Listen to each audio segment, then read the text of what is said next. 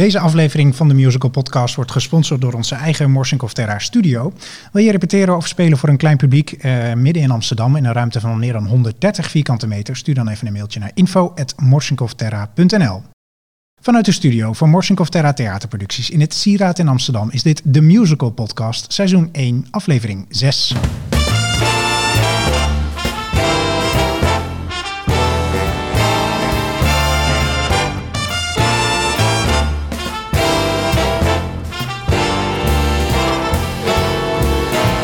Leuk dat je luistert naar deze zesde aflevering van de Musical Podcast, waarbij we je meenemen achter de schermen van de Nederlandse musical.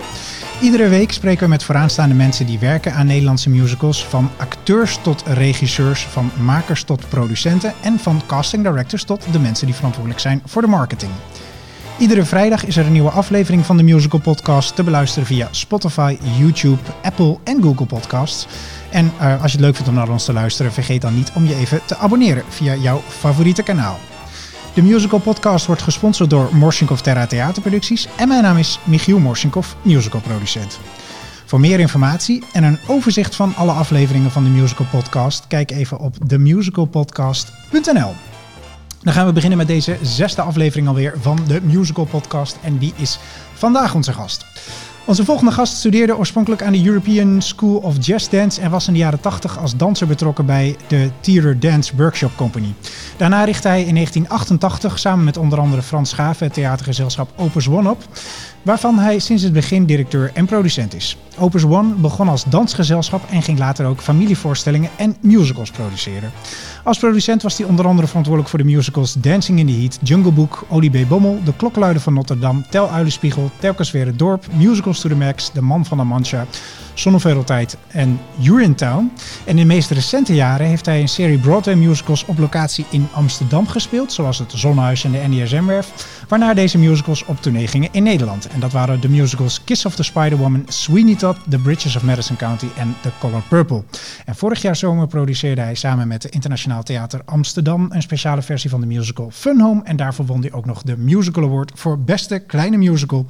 Maarten Vogel, van harte welkom. Dankjewel. Leuk dat je er bent. Ja, wat een en, lijst. Ja, veel gedaan alweer. Dat is goed. Ja. Het is uh, uh, enorme ervaring. Dat is ook wel een beetje uh, leuk aan ons vak. Dat je eigenlijk heel vaak uh, in de waan van de dag zit en bezig bent met één of twee projecten. En het is toch best lekker om even te horen wat je ja. allemaal uh, wat Ja, er is ook af en toe iets wel gelukt, denk ik dan. en een heleboel zo te horen zelfs. Um, als producent heb je, uh, en ik kan erover meepraten, ik vind het ook heel leuk dat ik nu een keer een vakgenoot geïnterviewd okay. heb. Um, heb je toch altijd een, een artistieke en een zakelijke pet op? Wat is voor jou interessanter? Welk deel van het werk? Um, het eerlijke antwoord moet natuurlijk zijn dat, ik, dat het al bij even belangrijk is. Want uh, showbusiness bestaat uit twee woorden. En dat is show en dat is business. En daar heb ik me wel altijd aan gehouden om dat proberen zo goed mogelijk te doen. Wat wel zo is, is dat mijn talent en mijn affiniteit meer bij het creatieve gedeelte zit. Dat komt ook door mijn achtergrond. Ik ben als danser opgeleid en heb in de eerste voorstellingen die je net noemde... Uh, van 88 ook nog zelf meegedansen. Ik Oh, zat daarvoor in, uh, in die Theater Dance Workshop. Dat was eigenlijk de opleidingsgroep van het uh, opleidingsinstituut waar ik, waar ik ben opgeleid. Die European School of Jazz Dance.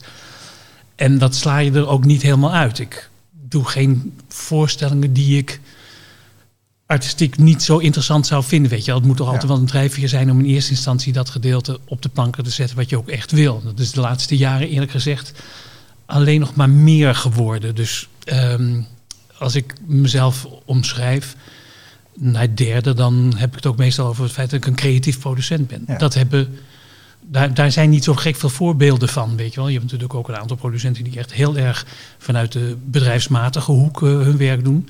En ik zit dan toch een beetje aan de andere kant van het spectrum. Ja. En um, hoe combineer je die verschillende dingen? Vooral soms zijn die uh, belangen ook tegenstrijdig.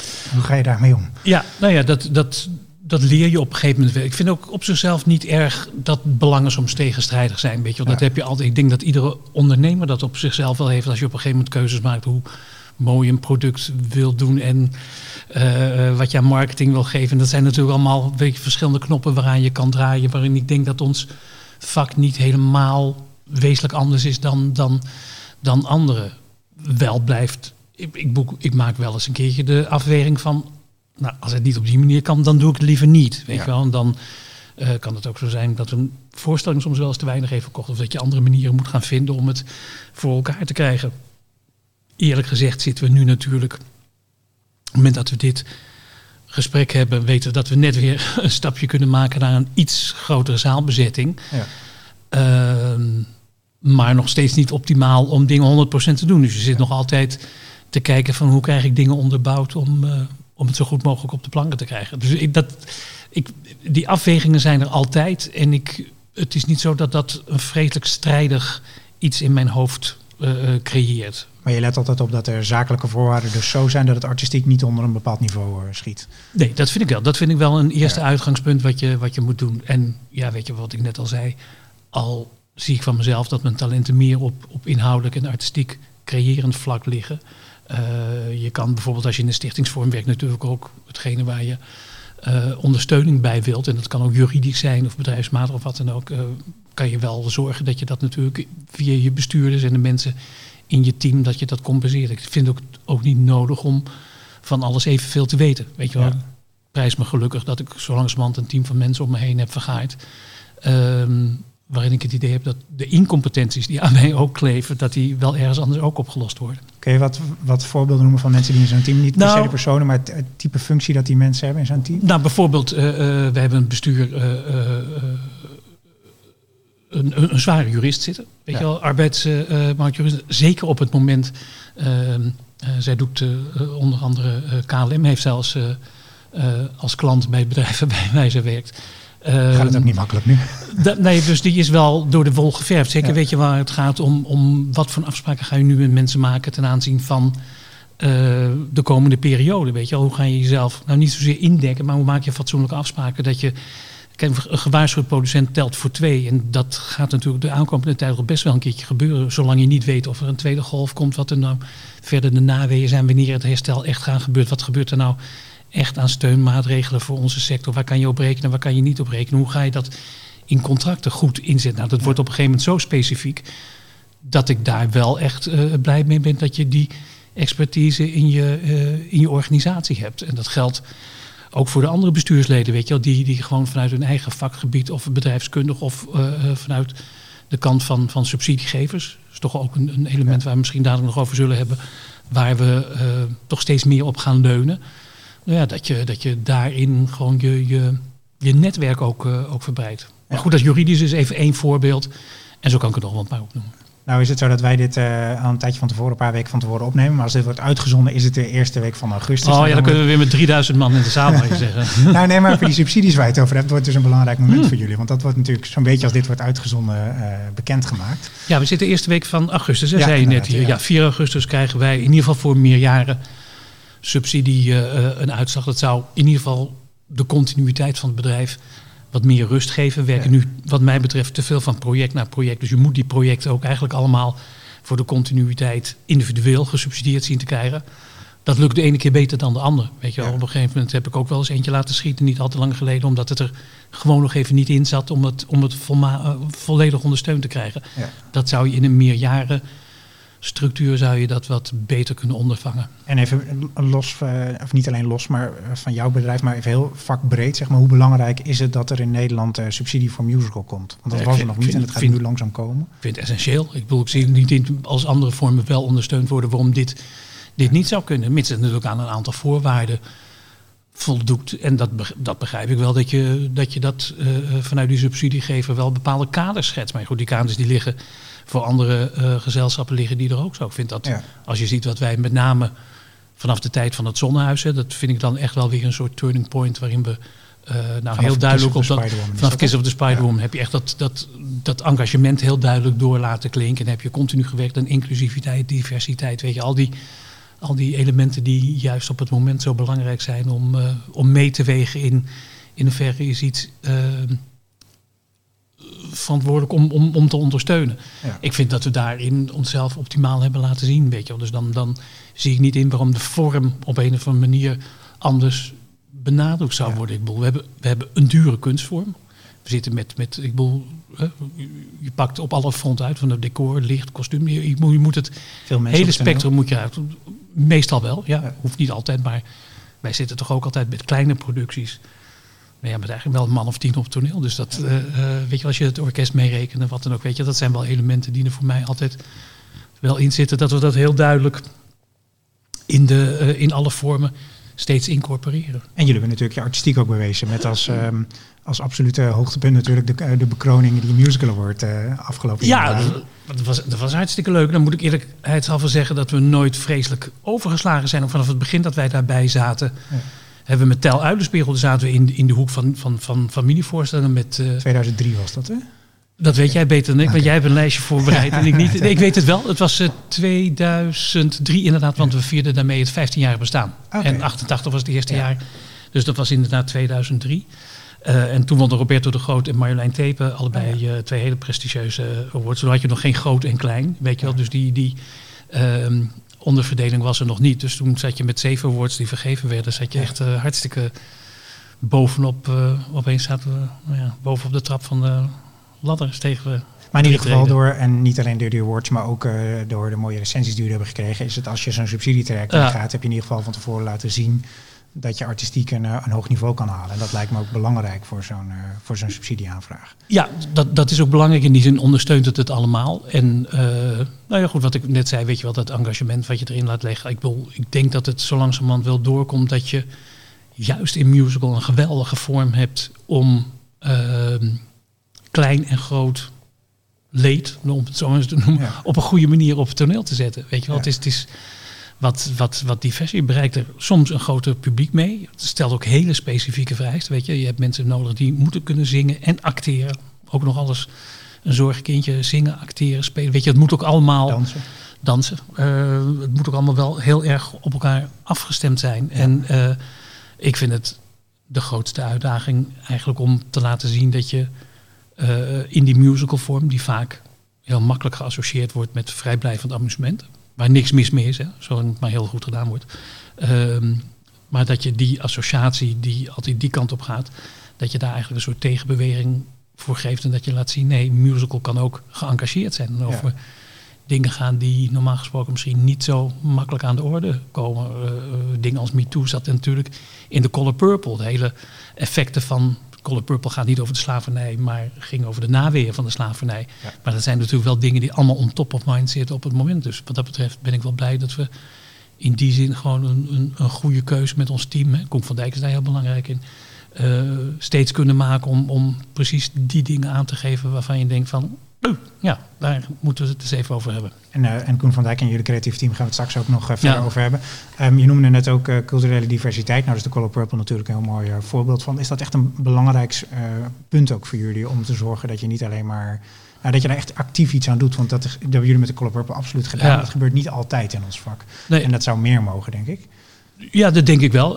het, is, het is niet zo dat het per definitie moet. Wat we wel altijd hebben, is dat we sowieso kleurenblind casten. En dat ja. hebben we eigenlijk zeg maar, vanaf de tijd van, van, van, de, van, van Kiss of the Spider Moon wel, wel echt als leidraad genomen. Dus wij zaten sowieso al in, in die hoek dat je uh, uh, diversiteit in ieder geval integreert. In ieder geval de manier waarop het op het toneel uh, naar voren zou moeten komen. Daar kan je nog veel verder in gaan. In de organisatie vind ik ook nog dat we er niet zijn. Ik vind ja. ook dat we uh, nou ja, op meer fronten daar hard aan kunnen blijven werken. En ook moet je ook in je repertoirekeuze continu blijven zoeken naar uh, thema's die daar weer wat makkelijker bij aansluiten. Kijk, dat was Van Home op zichzelf niet.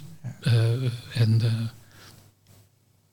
Sweeney tot ook niet. Maar goed, dat ging weer over de klasse maatschappij 100 jaar geleden. Dus dat... Laten we het eens wat meer hebben over die uh, de repertoire. Ja. Dat is een interessant onderwerp. Vind ik persoonlijk een van de leukste dingen van het, van het werk ja. van, een, uh, van een producent ook. Ja. Hoe doe je dat? Waar denk je over na? Hoe kies jij de titels en de producties die je graag uh, wil brengen? Ik, uh, ik heb er altijd wel een aantal in een lijstje staan. Weet je wel, waarvan ik zeg van, ja, goed, als ik er even niet uitkom, misschien is dat dan wel weer de tijd ervoor. Van Home heeft ongeveer, eigenlijk vanaf het moment dat ik het gezien heb, 2016, heeft hij nou ja, in mijn achterhoofd gezeten van dat zou gedaan moeten worden. Een polsje even zijn die rechten vrij, zijn er nog anderen daarmee bezig. Nou, ja. toch eens een keertje gaan kijken of dat misschien niet een keertje vastgelegd moet worden. Maar het heeft uiteindelijk toen nog drie jaar, um, heeft het, drie jaar heeft het, is het op de plank blijven liggen voordat we even het goede moment hadden en de goede plek om dat, uh, om dat te gaan doen. Um, dus het is niet altijd heel erg, het gaat niet altijd heel erg volgens een vast uh, stramien. Ik heb vorige week kom ik iets tegen, gewoon door het kijken op Facebook. En omdat ik natuurlijk ook wel uh, internationaal wel goed in de gaten hou van wat er allemaal speelt. Dat ik dacht van, oh, dat zou echt iets voor ons zijn. Weet je, dan komt het voorbij een titel die ik niet eens kende, maar die toevallig ergens in die workshop uh, theaters in New York boven is komen drijven. Nou, als ik even de dingen van het afgelopen jaar. Koen kwam zelf, dat was toen we het Zonnehuis hadden, vijf jaar geleden. En dat ik zei van, god, hier kunnen we gaan spelen, wat zou je daar gaan doen? Die zei binnen anderhalve seconde Kiss of the Spider-Woman. Ehm, dus daar ben ik toen al graag, maar dat was echt een, een, een, een, een inbreng van Koen. Wat eerlijk gezegd bij Sweeney tot ook zo was. Die heeft hij ooit al een keertje gedaan en was vertaald. En uh, had hij voor, uh, uh, voor Job van den Ende in de tijd gedaan, begin jaren negentig. Dus daar komt ook natuurlijk wel wat inbreng, inbreng van.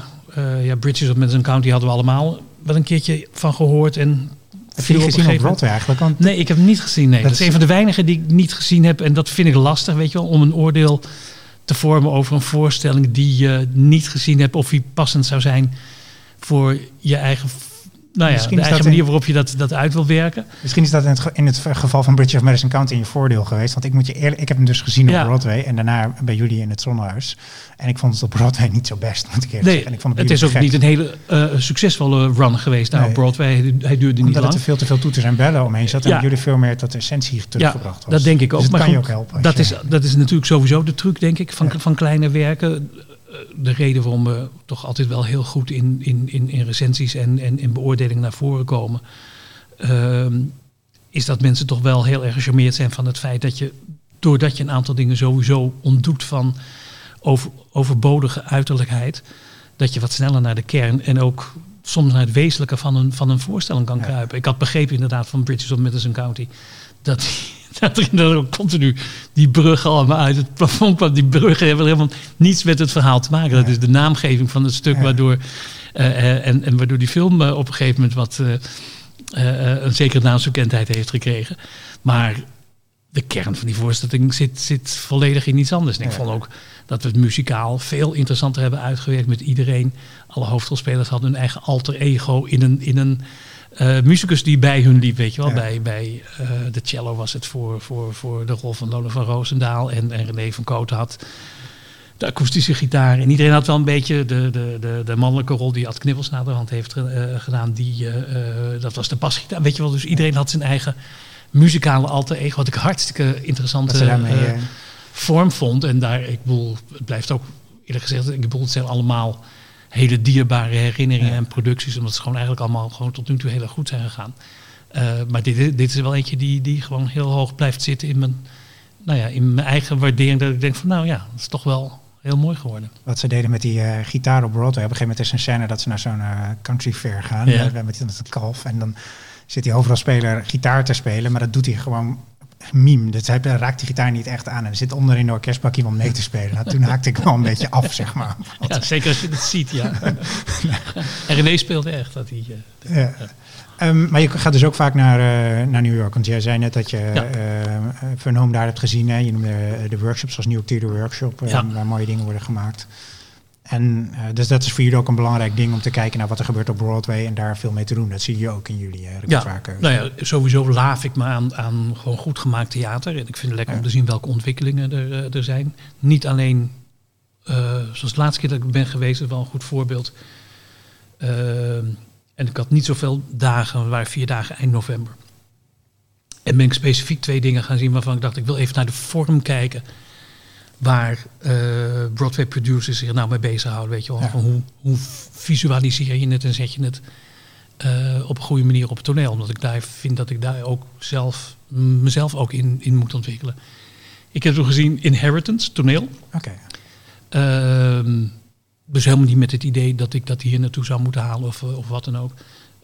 En Oklahoma. En Oklahoma vond ik leuk om te zien, omdat ik wilde kijken van hoe ver kan je gaan als je een oude klassieker echt helemaal afstoft? En ja. wat, wat, wat blijft er dan over en wat, wat krijg je er misschien nog meer voor terug? Daar was ik enthousiast over, maar meer omdat je het daar ook in uh, Circle in the Square, Theater had ik het gezien, waar ook uh, Van hem heeft gespeeld. Ja. Um, en dat vond ik uiteindelijk toch ongelooflijk interessant uh, gemaakt en ook met, met heel weinig eh, in het toneelbeeld gezet. Wel goed vormgegeven. Ik bedoel, als je niks neerzet, is het ook vormgeving. Hè? Ja. Dus dat is niet dat ik denk van, oh, dan is het makkelijk en dan ben je wat sneller klaar. Maar gewoon heel smaakvol en heel goed eh, gedaan. Maar waar ik helemaal van, van flabbergasted was, dat was die Inheritance. Ik zat er een beetje tegenaan te kijken, omdat je die voorstelling duurt, eh, is in twee delen en hij duurt 3,5 uur. Er zitten ook twee pauzes zitten er in je voorstel. En je hebt deel 1 en deel 2, dus allebei duren het in, dus het is een stuk van 7 uur.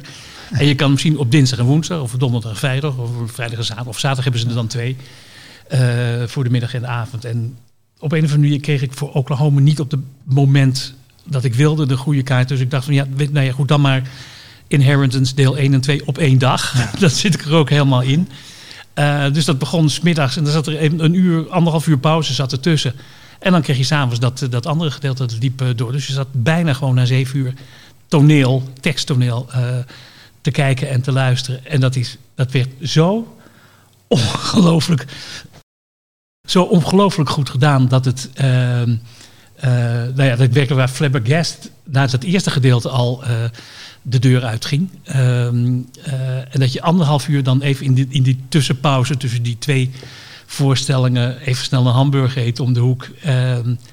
En dat je alleen maar hoopt, oh, was het maar, was, was het maar vast weer begonnen. Ja. En dat hele toneel was kaal. Dat was een, was, dat was een hydraulische vloer die, dus ik bedoel, dat kostte fortuin om dat goed te doen. Maar door het 5 centimeter of nou ja, 50 centimeter te laten zakken en er blauw licht aan te gooien, zet je opeens eh, eh, rond het zwembad. En eh, het was met hele, en dan werd het omhoog getrokken en dan was het opeens een hele grote tafel en waar mensen op dansten. Het was ongelooflijk. Het was één adembenemende ervaring dat ik dacht van hoe krijg je het voor elkaar om zeven uur lang de aandacht zo goed op iets te houden zonder dat je op een of andere manier wat dan ook nodig hebt om het, om het meer te maken dan, dan dat het is. En daar word ik dan heel erg gestimuleerd. Niet dan om inheritance hier naartoe te halen, maar wel om te kijken van god, hoe zou je dat kunnen incorporeren in een manier van aanpak, een volgende voorstel. Weet je? Dus dan sla je dat ergens achterover achter, of achterop en dan eh, komt dat op een gegeven moment, druppelt dat wel weer naar voren, toe, Gek. naar boven toe. Was trouwens ook met Harry Potter, eh, die, dat toneelstuk, dat heb ik in eh, New Ah. York gezien. Dat duurt Ja. ook vijf uur met pauzes en zo. Ja. Daar vond ik het al een tikkeltje lang, eerlijk gezegd. Maar dat is. Ehm, laten we eens praten over de ontwikkeling eh, van de musical. Al dan niet of je een nieuwe musical ontwikkelt of een eigen versie maakt van, Mhm. van een Broadway musical. Hoe gaat, hoe, hoe gaat dat proces in zijn werk? Hoe ver vooruit begin je? Ja, we hebben net iets over gehad van dan zie je misschien iets in New York en blijft dan een tijdje liggen. Maar wat zijn de eerste stappen die je zet en hoe ver vooruit begin je aan zo'n project voordat het in het theater te zien is? Ja, ik denk grofweg dat je. Het is langer dan een jaar, twee.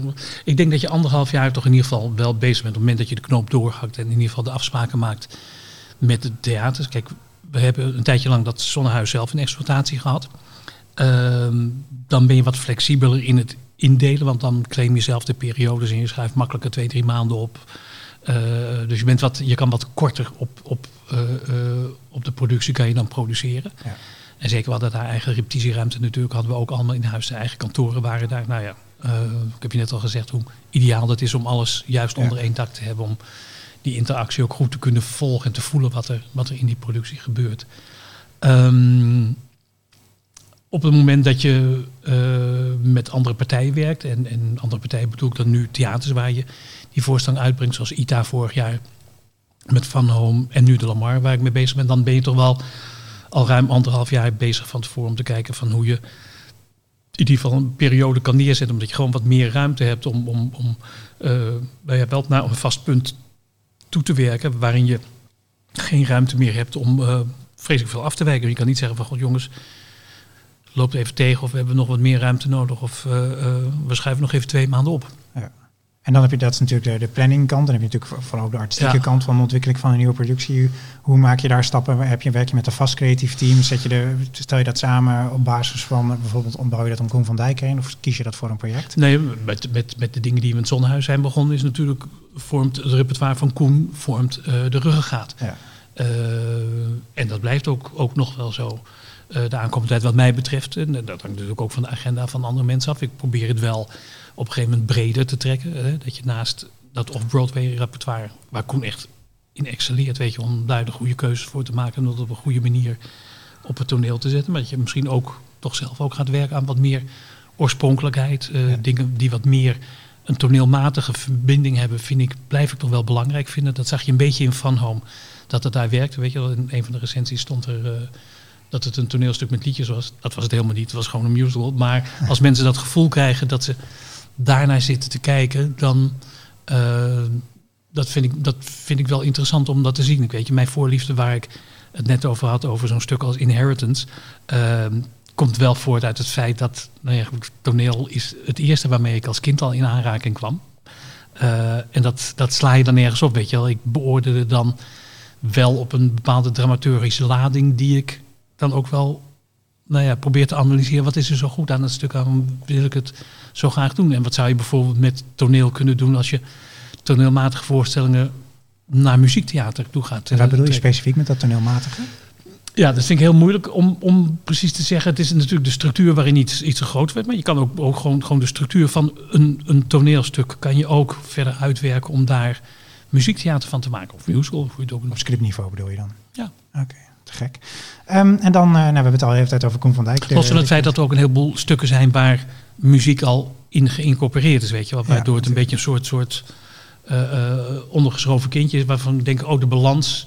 Ik vind het moeilijk om, om nu namen te noemen. Ik ben met twee stukken bezig om te kijken hoe ik heb dat... onlangs in Londen die voorstelling met Bob Dylan uh, liedjes uh, gezien. Kwam van de North Country. Ik weet niet of je dat hebt gezien. Maar dat nee, is ik heb nog niet een gezien. met liedjes. Dat is eigenlijk een toneelstuk en het wordt bijna stopgezet met liedjes. En dat is ja. het wisselend succes hoe goed dat is. Zeg maar. ja. Het is overal een, een, mooie voorstelling. Um, maar we, wat ik net zei, we hebben het al verder over Koen van Dijk gehad. Uh, laten we het meer hebben over de, over de creatieve teams. Hè. Dus hoe stel je die ja. samen? Welke mensen zijn vaste waardes voor jou? Waar denk jij aan als je een, een, musical gaat produceren en je stelt het creatieve team samen? Ja, ik, ik leun wel erg op, op, op de mensen waar, waar Koen ook graag mee werkt. Ik, ik vind dat ook wel belangrijk om dat in samenspraak te doen. Kijk, bij Koen is het, en dat heb je natuurlijk veel regisseurs, of, of nou over Ivo van Hoven gaat of wat dan ook, die hun eigen ontwerpers vaak om zich heen willen hebben. Nou ja, met, met, met Ivo en Jan is dat zelfs een beetje wat wij met Koen en Erik hebben. Ja. Op een heleboel fronten komt het overeen, maar dat werkt voor mij heel, heel goed, want ik kan met allebei hartstikke goed overweg. En ik vind dat ja. ook inderdaad de inhoud die de vorm dicteert, zoals wij zelf wel eens noemen, uh, vind ik wel belangrijk. Weet je, om dat, om dat ook in, in, in echt de hele eerste kern te hebben. Ik hecht zelf wel aan het, aan het werken met een aantal designers waar ik nou ja, opgesteld ben, maar dan gaat er meer de technische kant op licht en geluid. Maar dat moet je ook altijd maar weer kijken of daar plaats voor is. Of mensen daar. Ik heb geen mensen vast in dienst. Dus mensen ja. moeten ook wel, wel beschikbaar zijn. Ten aanzien van kostuums heb ik eerlijk gezegd, daar uh, uh, heb ik het minst affiniteit mee. Weet je? Dus dat, dat, dat geloof ik wel. En dat is fout van mij om, om te zeggen, ik geloof het wel, het komt wel. Maar ehm, zo heb je wel gewoon ook je eigen aandachtspunten die, die je hebt. En ten aanzien van choreografie, zeker omdat dat mijn achtergrond is, heb ik ook nog wel bepaalde ideeën, weet ja. je wel, die ik af en toe erin leg. Maar het is niet, ik bedoel, de kern zijn we het eigenlijk meestal wel over eens. En af en toe vinden we het misschien ook wel eens goed om wat verschillende accenten aan te leggen. Nou, zo, zo gaat het meestal. En met choreografie werken jullie veel met Chiara Rij, die een paar weken geleden... Onder andere. en Chiara komt eigenlijk een beetje uit onze school, weet je wel, in de tijd dat wij nog meer met dans bezig waren. Uh, met Chiara kende ik al vanuit uh, co-productie die we met Joop van den Ende in de tijd deden toen we Urinetown oh ja. uh, overnamen vanuit het M-lab om dat in het land uit te zetten.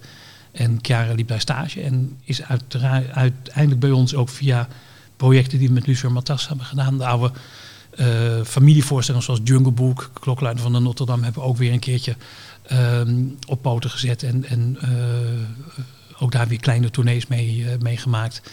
En daar is het toen bij betrokken geweest. En toen is ze eigenlijk ook gewoon doorgeschoven naar uh, Kiss of the Spider Woman. Wat ze eerst samen met Van zou doen. Toen is ze dat alleen is, dat gaan doen. Dus daarvan heb ik die ontwikkeling wel helemaal uh, gevolgd. Dat betekent niet dat je mensen ook niet de ruimte moet geven om af en toe ergens anders naartoe te gaan. Het gaat nu hartstikke goed met haar. Maar ja ja, waarschijnlijk zitten we binnenkort alweer rond de tafel met elkaar voor een ander project. Te gek. Um, uh, dat is uh, heel interessant en uh, heel belangrijk om de hele artistieke ontwikkelingen van de musical. Maar tegelijkertijd ja. is het jouw taak als producent ook dat er geld komt om zo'n voorstelling te maken. ja. Kun je daar iets over vertellen, over de financiering van een musical? Ja, kijk, ik ben altijd gewend geweest om als vrije producent te werken. En dat betekent dat je het uiteindelijk op, op, de recette moet doen. Hè? Dat het daar in eerste instantie vandaan moest komen. Dat is in het verleden ook altijd wel uh, min of meer gelukt. We hebben heel lang vanaf die eerste jaren zijn we als dansgezelschap begonnen. Dat was toen wel in, in de vorm van een werkproject, wat we in de tijd, waar je in de tijd wat ruimte voor kreeg om in ieder geval toch gesalarieerd aan de slag te kunnen gaan. En langzamerhand toen we alleen op de wereld deden en vanuit daar die familiehoek hebben gedaan, die familievoorstelling, is dat wel ieder jaar uitgepakt. Zeker toen we in de titels begonnen van, van, van Peter Pan hebben we gedaan, Jungle Book hebben we gedaan. Ja, ik zie al uh, kijken van, god, dat is leuk om, uh, dat zijn leuke titels. Die kunnen ook altijd gewoon door, moeten ook altijd door. Die doen wij ook. Geproduceerd, precies.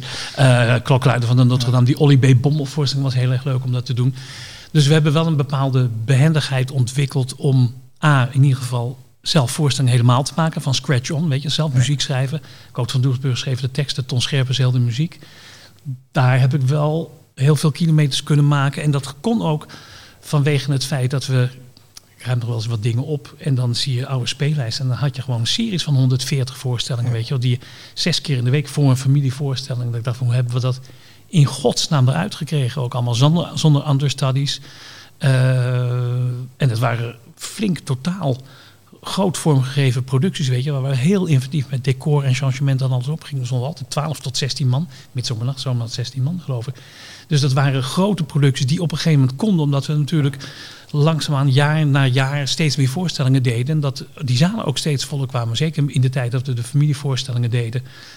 Kan ik me niet herinneren dat we beneden een zaalbezetting van als we 80% zaten, dan zeiden we al van nou, er is ergens iets misgegaan. Weet je, een luxe die je waar je nu van ziet van god, dat was wel. Uh, uh, dat was wel uniek, die situatie die, die, we toen hadden. Wat meespeelde is dat we ook een beetje in één ding toen waren. Je had natuurlijk dat, dat het hele musical werkveld begon begin jaren negentig pas echt zo lopen. Toen natuurlijk Joop van den Ende met uh, zijn voorstellingen bezig was in het Circus Theater en Phantom of the Opera, Miss Saigon.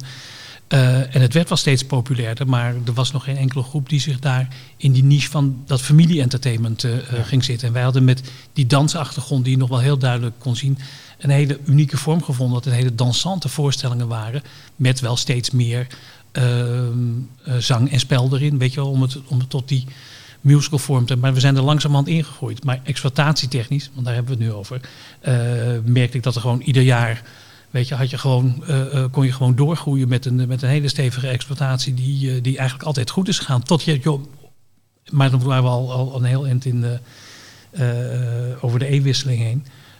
merkte dat een heleboel mensen in die, in die hoek gingen zitten van, van familie-entertainment. De Nijntjes en de Pippi Langkous vlogen je om de oren.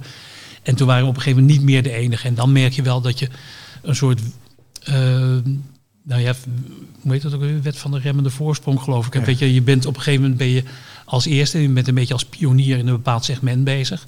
Maar ja, dan kijken mensen natuurlijk, op een gegeven moment is dat ook een, ook een compliment hoor, gewoon af wat je links en rechts doet. En zien dan dat je, uh, nou ja, weet je wel, die gaan er dan links en rechts overheen. Uh, wat allemaal geen probleem is, maar dat, dat uh, heeft wel toegeleid dat we gewoon acht, negen jaar gewoon in een hele uh, stevige opbouw konden gaan zitten van goed onderbouwde producties die echt volledig op, uh, ja, die volledig wel op uh, draaiden op, op, op recettes. Los van het feit dat we wel een aantal, je had toen die regeling van podiumkunstwerk, dat je in ieder geval wat arbeidskrachten ook gesalarieerd uh, via een andere regeling kon in, je, in je ensemble kon neerzetten. En die mensen kon je dan zes maanden of, of twaalf maanden aannemen. Dat was, daar hebben we wel gebruik van gemaakt. Op een gegeven moment viel dat allemaal weg en krijg je eigenlijk in de in de eerste jaren van deze eeuw kreeg je de situatie dat het natuurlijk toch even allemaal wat minder ging. De spoeling werd minder. Weet je. je zag ook dat met name door het decentraliserende overheidsbeleid, als het te technisch wordt moet ik het zeggen, maar dat je door dat decentraliserende overheidsbeleid, dat je uh, uh, ziet dat, dat uh, de landelijke overheid taken doorschuift naar, naar lagere overheden, provincies en, en gemeentes. Die moeten dan nu allemaal voor de schuldhulpverlening en de jeugddetentie en alle zorgtaken opdraaien. En dat is voor die gemeentes allemaal veel en veel en veel te moeilijk. Dat kunnen ze niet overzien.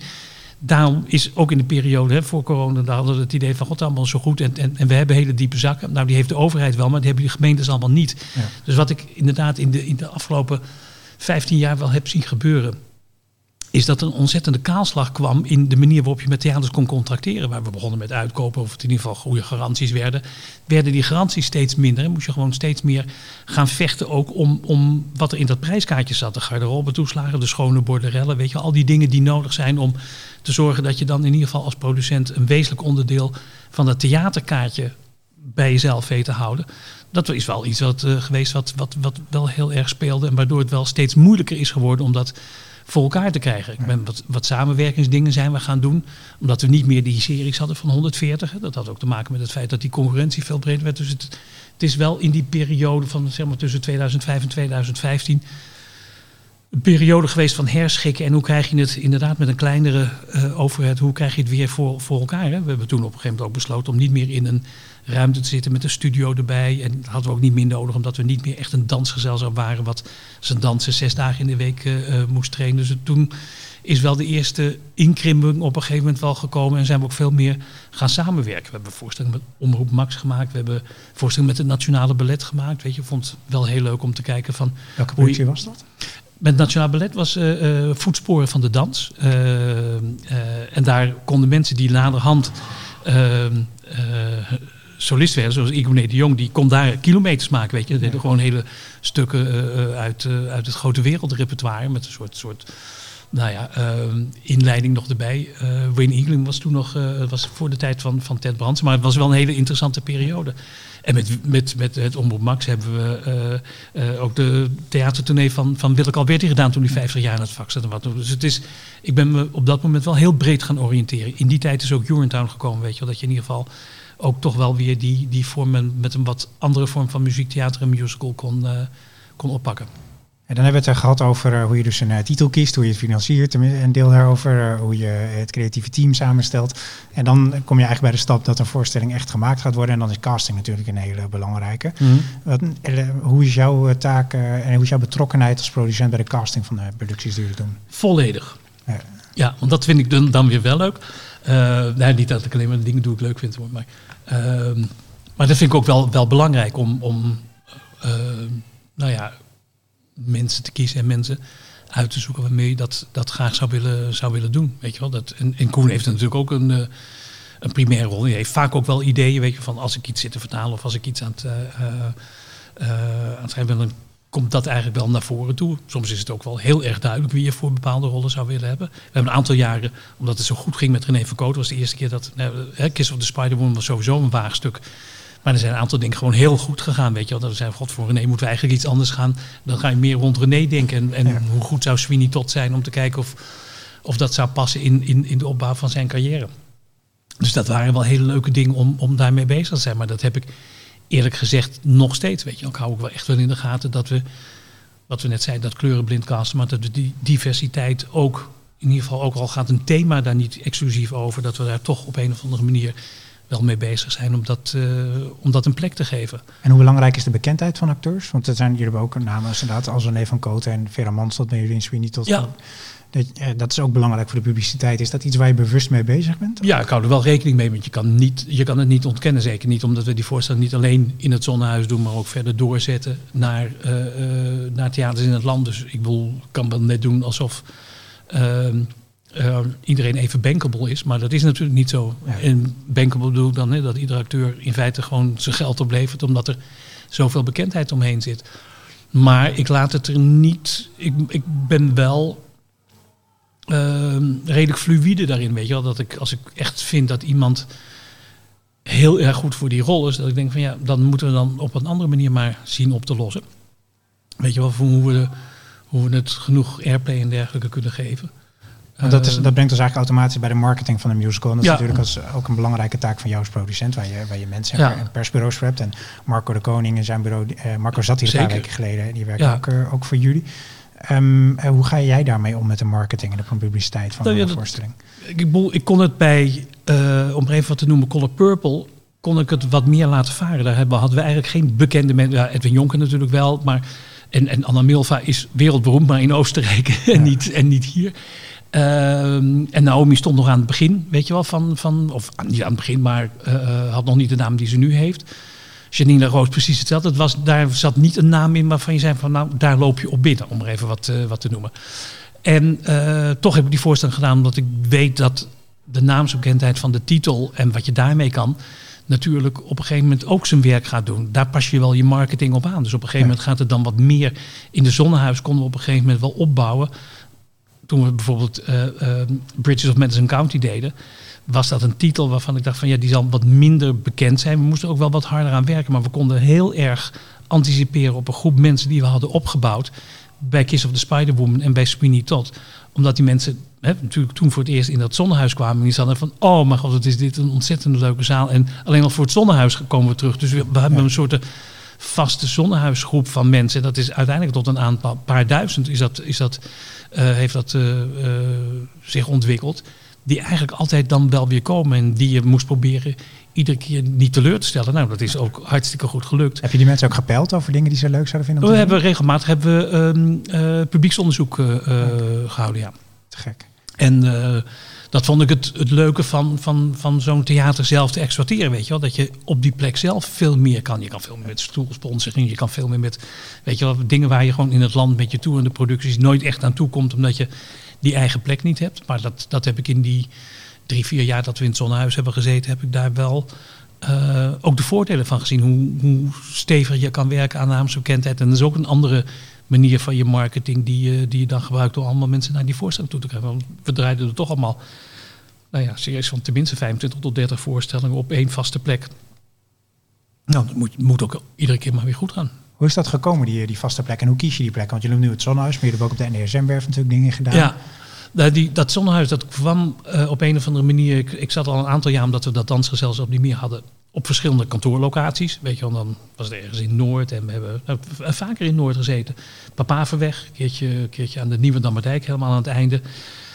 En toen gingen we, we deden Man van La Mancha. En toen deden, dat deden we met Peter Faber. En uh, op dat moment was het altijd een beetje zoeken. We hadden eerst onze eigen repetitieruimte.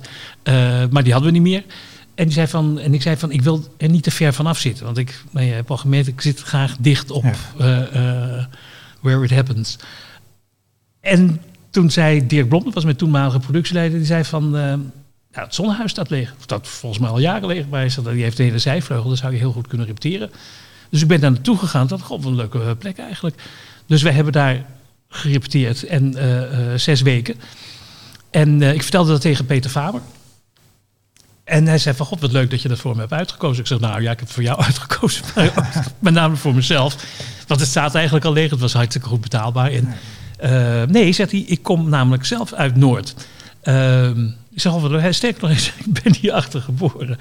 En ik heb mijn hele jeugd hier gehad. En ik ben eerlijk gezegd door dat zonnehuis, die kant van theater ben ik opgegaan. Um, want hij zegt, ik was 15 jaar. Nou ja, je had echt zoiets van, van je komt uit Noord, uh, je bent niks. Je moet ook vooral niet denken dat je iets wordt. Dus hij zegt, ik liep naar uh, uh, die kapper die daar nog zat op het, op het Zonneplein. En ik zei van ja, hij zei van scheer mijn haar maar, haar maar kort. Want ik ga gewoon de grote vaart in. Hè. Het was gewoon, je, je liep het Zonneplein af en je liep zo de NDSM-werf op. Hij zei, ik ga aanmonsteren bij, bij de grote vaart. En die kapper die zei van, nee, je moet niet rechtsaf, je moet niet naar die werf toe gaan. Je moet naar het Zonnehuis toe gaan, want daar houden ze audities voor toneelspelers. Hij wist eigenlijk niet eens wat het was. Dus hij is niet rechtsaf gegaan, maar linksaf gegaan. Is binnengekomen in die repetitieruimte waar, waar wij uiteindelijk... Uh, ook zijn gaan werken. En uh, moest kreeg een monoloog van uh, Monastro in zijn. maar goed, in ieder geval, the rest is history. Ja. Hij heeft daar zijn eerste stap op het gebied van toneel en theater gezet. Dus dat Zonnehuis had nog een hele belangrijke functie voor hem. Wat hij ook zei, is dat we uh, op dat uh, zonneplein zijn van ja, je ziet al die jongens nu een beetje hangen. En dat zijn soms Marokkaanse jongens of Nederlandse jongens, maakt allemaal niet uit. Maar weet je wel, het heeft allemaal die sfeer van het komt allemaal niet uit de verf. Hij zegt van ik kan natuurlijk door mijn ervaring die ik heb gehad en hier vandaan kom ook. Uh, wel laten zien hoe je ook gewoon met, met, met, met, met spellessen en met improvisatie en wat ook jezelf wat meer inzicht krijgt in, over hoe je zelf functioneert en hoe je daar misschien uit kan komen. Dus die is in die weken dat wij daar zes weken repeteerden, iedere maandag is hij daar spellessen gaan geven aan die kinderen in de buurt. A, daar is hij hartstikke goed in. En B, uh, heeft natuurlijk vanuit het werktheater heeft hij heel de achtergrond van dat hij volledig vrij en op een hele goede manier met mensen heel direct kan communiceren. Dus die had die kinderen allemaal um, om, zijn, uh, om zijn vinger gewonden. De week daarop zaten we in De Wereld Draait Door. Uh, omdat, het, omdat die het zo'n leuk project vonden. Er werden opnames gemaakt. En wat dan ook. Dus hij heeft daar die zes weken dat wij repeteerden. En uiteindelijk zijn we gaan toeren. En zat ik al lang weer op dat kantoortje in, aan de Nieuwe Dammerdijk.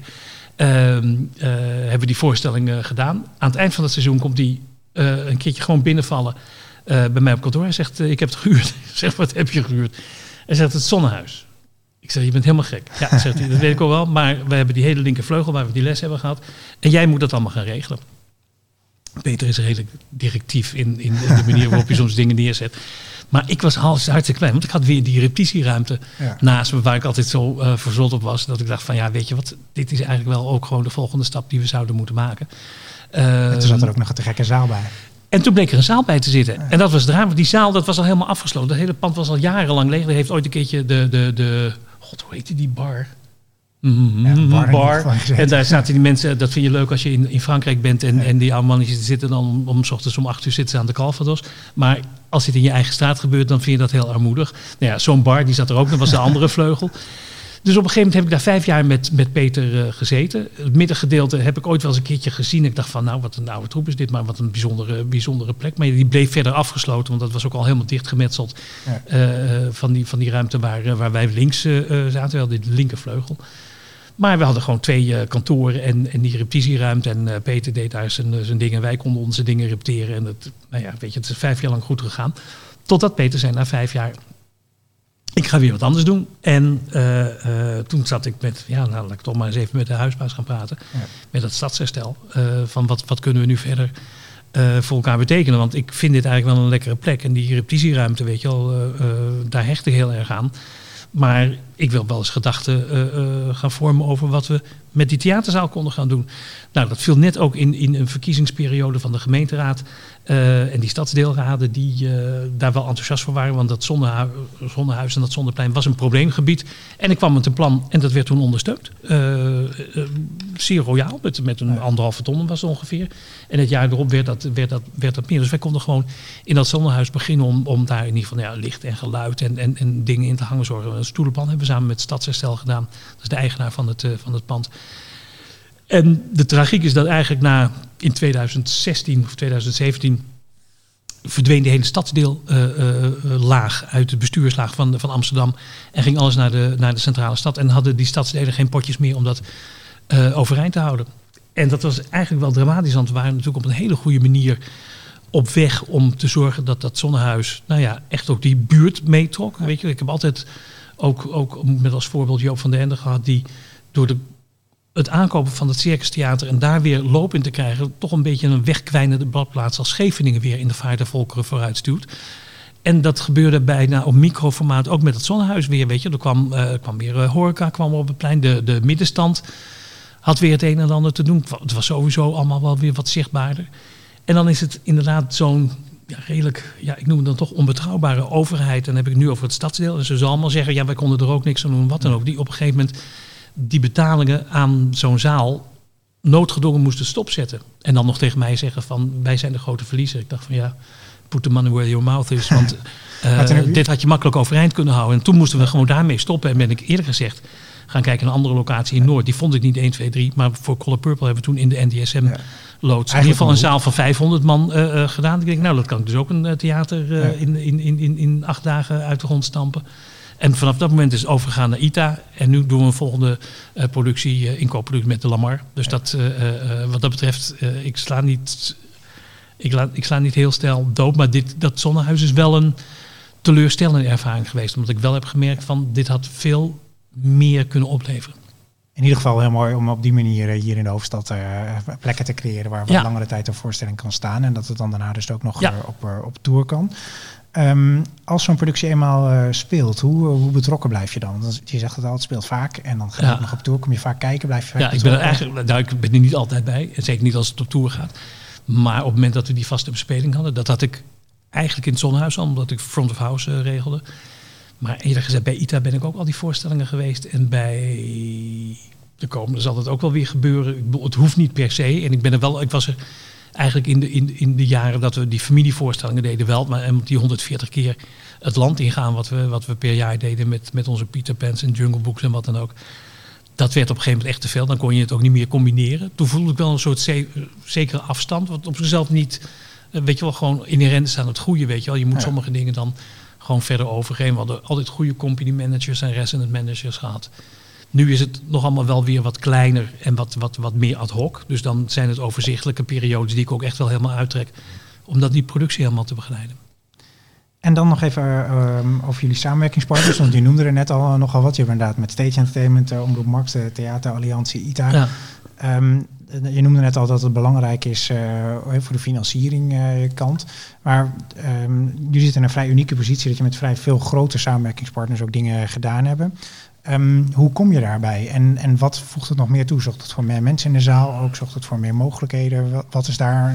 Um, ja, dus eigenlijk een tweeledige vraag. Eén is. Ja, en je geeft zelf het antwoord al. Ja, dus het, het, het, geeft meer mogelijkheden en je krijgt meer mensen in de zaal. Ja. En ik vind ook, hè, zoals bij ITA, en dat zullen we in, het, in de toekomst ook wel gaan doen, vind ik het ook belangrijker om wat meer ook met uh, de vaste kern van zo'n theater, bijvoorbeeld op het gebied van techniek maar ook PR en marketing er heel intensief mee samen te werken. Nou ja, dat betekent dus dat je je gezelschap in ieder geval, uh, uh, of, of, of je crew in ieder geval ook gaat vormen uit mensen die dan door dat theater, of die, hè, dat, dat, dat ja. is dan nu een voorbeeld, geleverd worden.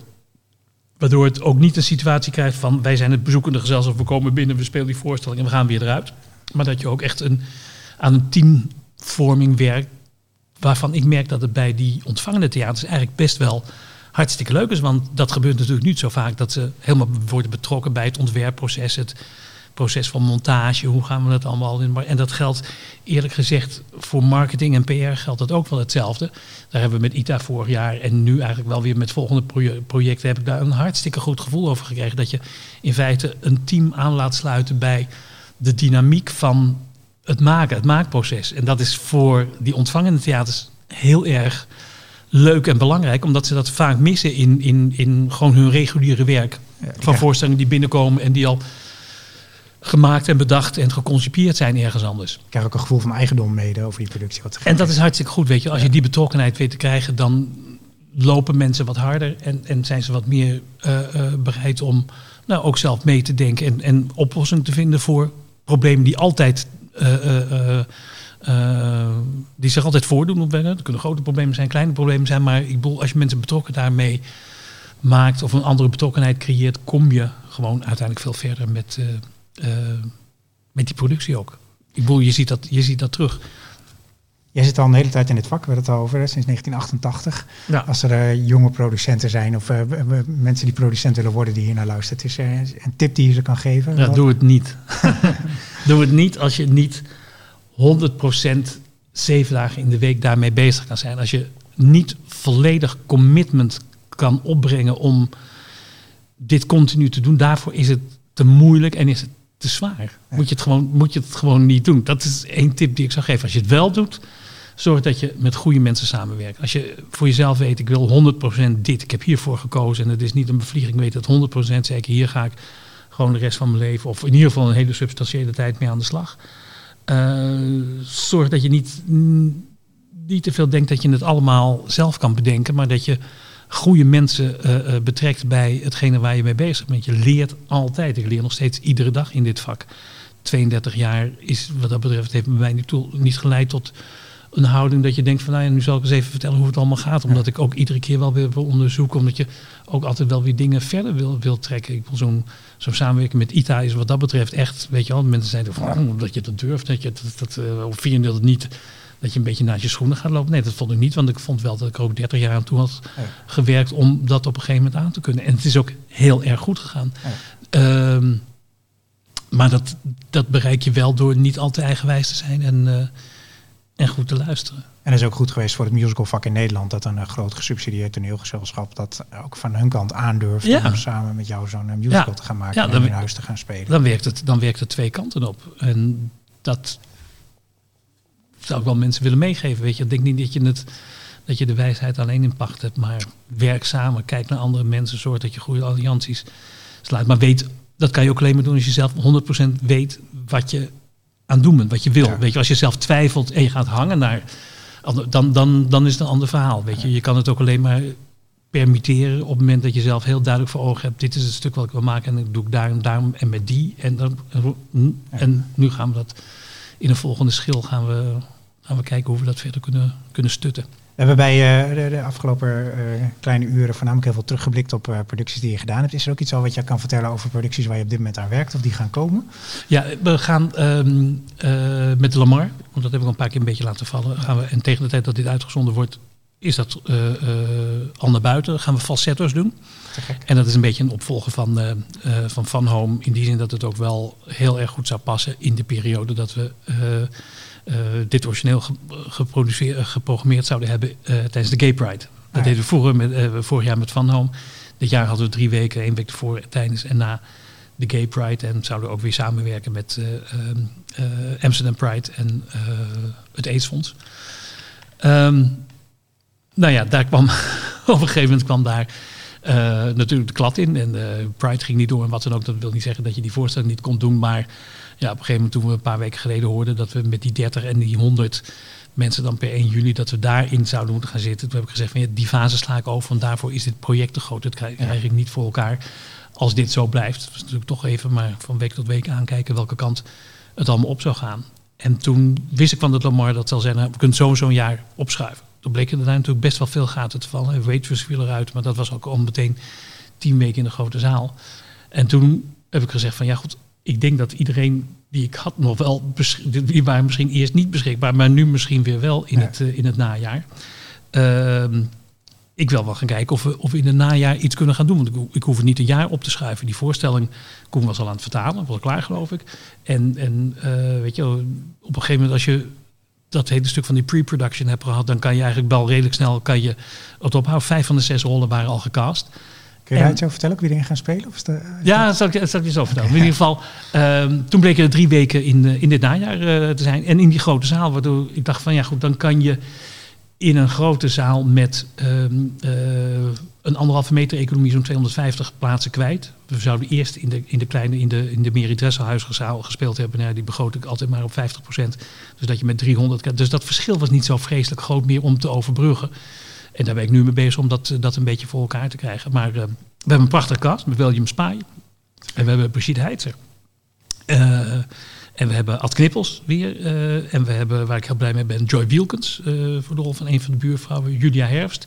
En we hebben afgelopen zaterdag de enige ontbrekende rol van de vriend van William Spaai ingevuld. En dat is Job Geuter geworden. Okay, Daar ben ik ook hartstikke blij mee. Dus we hebben eigenlijk een droomcast waarmee we daarmee aan de slag kunnen gaan.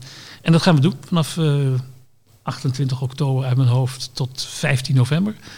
En misschien nog een beetje meer als het, uh, als het erin zit. Falsetto's in de Lamar. Falsetto's in de Lamar. William Finn. Prachtige voorstelling. Helemaal uh, doorgecomponeerd. We moesten hem wel van twee helften moeten we hem wel naar één naar een one actor toe maken. Dat, omdat we gewoon de traffic dan nog niet verwachten. Dat we dat um, uh, als een volledig of als een, als een voorstel met voor en na de pauze, dat we het zo kunnen presenteren. Vind ik niet zo erg. Dat hadden we met Van Home was ook een, een, een one act uit 90 minuten achter elkaar. En ik vind dat eerlijk gezegd een lekker kijktempo. Waar mensen uh, best wel aan gewend zijn om dat, om dat zonder pauze te doen. Um, ja, dus daar gaan we mee aan de slag. eind deze week ga ik, ik denk dat we donderdag uitgaan. Ehm, en dan, maar dan is het donderdag 2 juli. En dan ligt dat alweer ver uh, achter ons. En tegen de tijd, mocht er nog een kink in de kabel komen, dan knippen we dit er wel uit.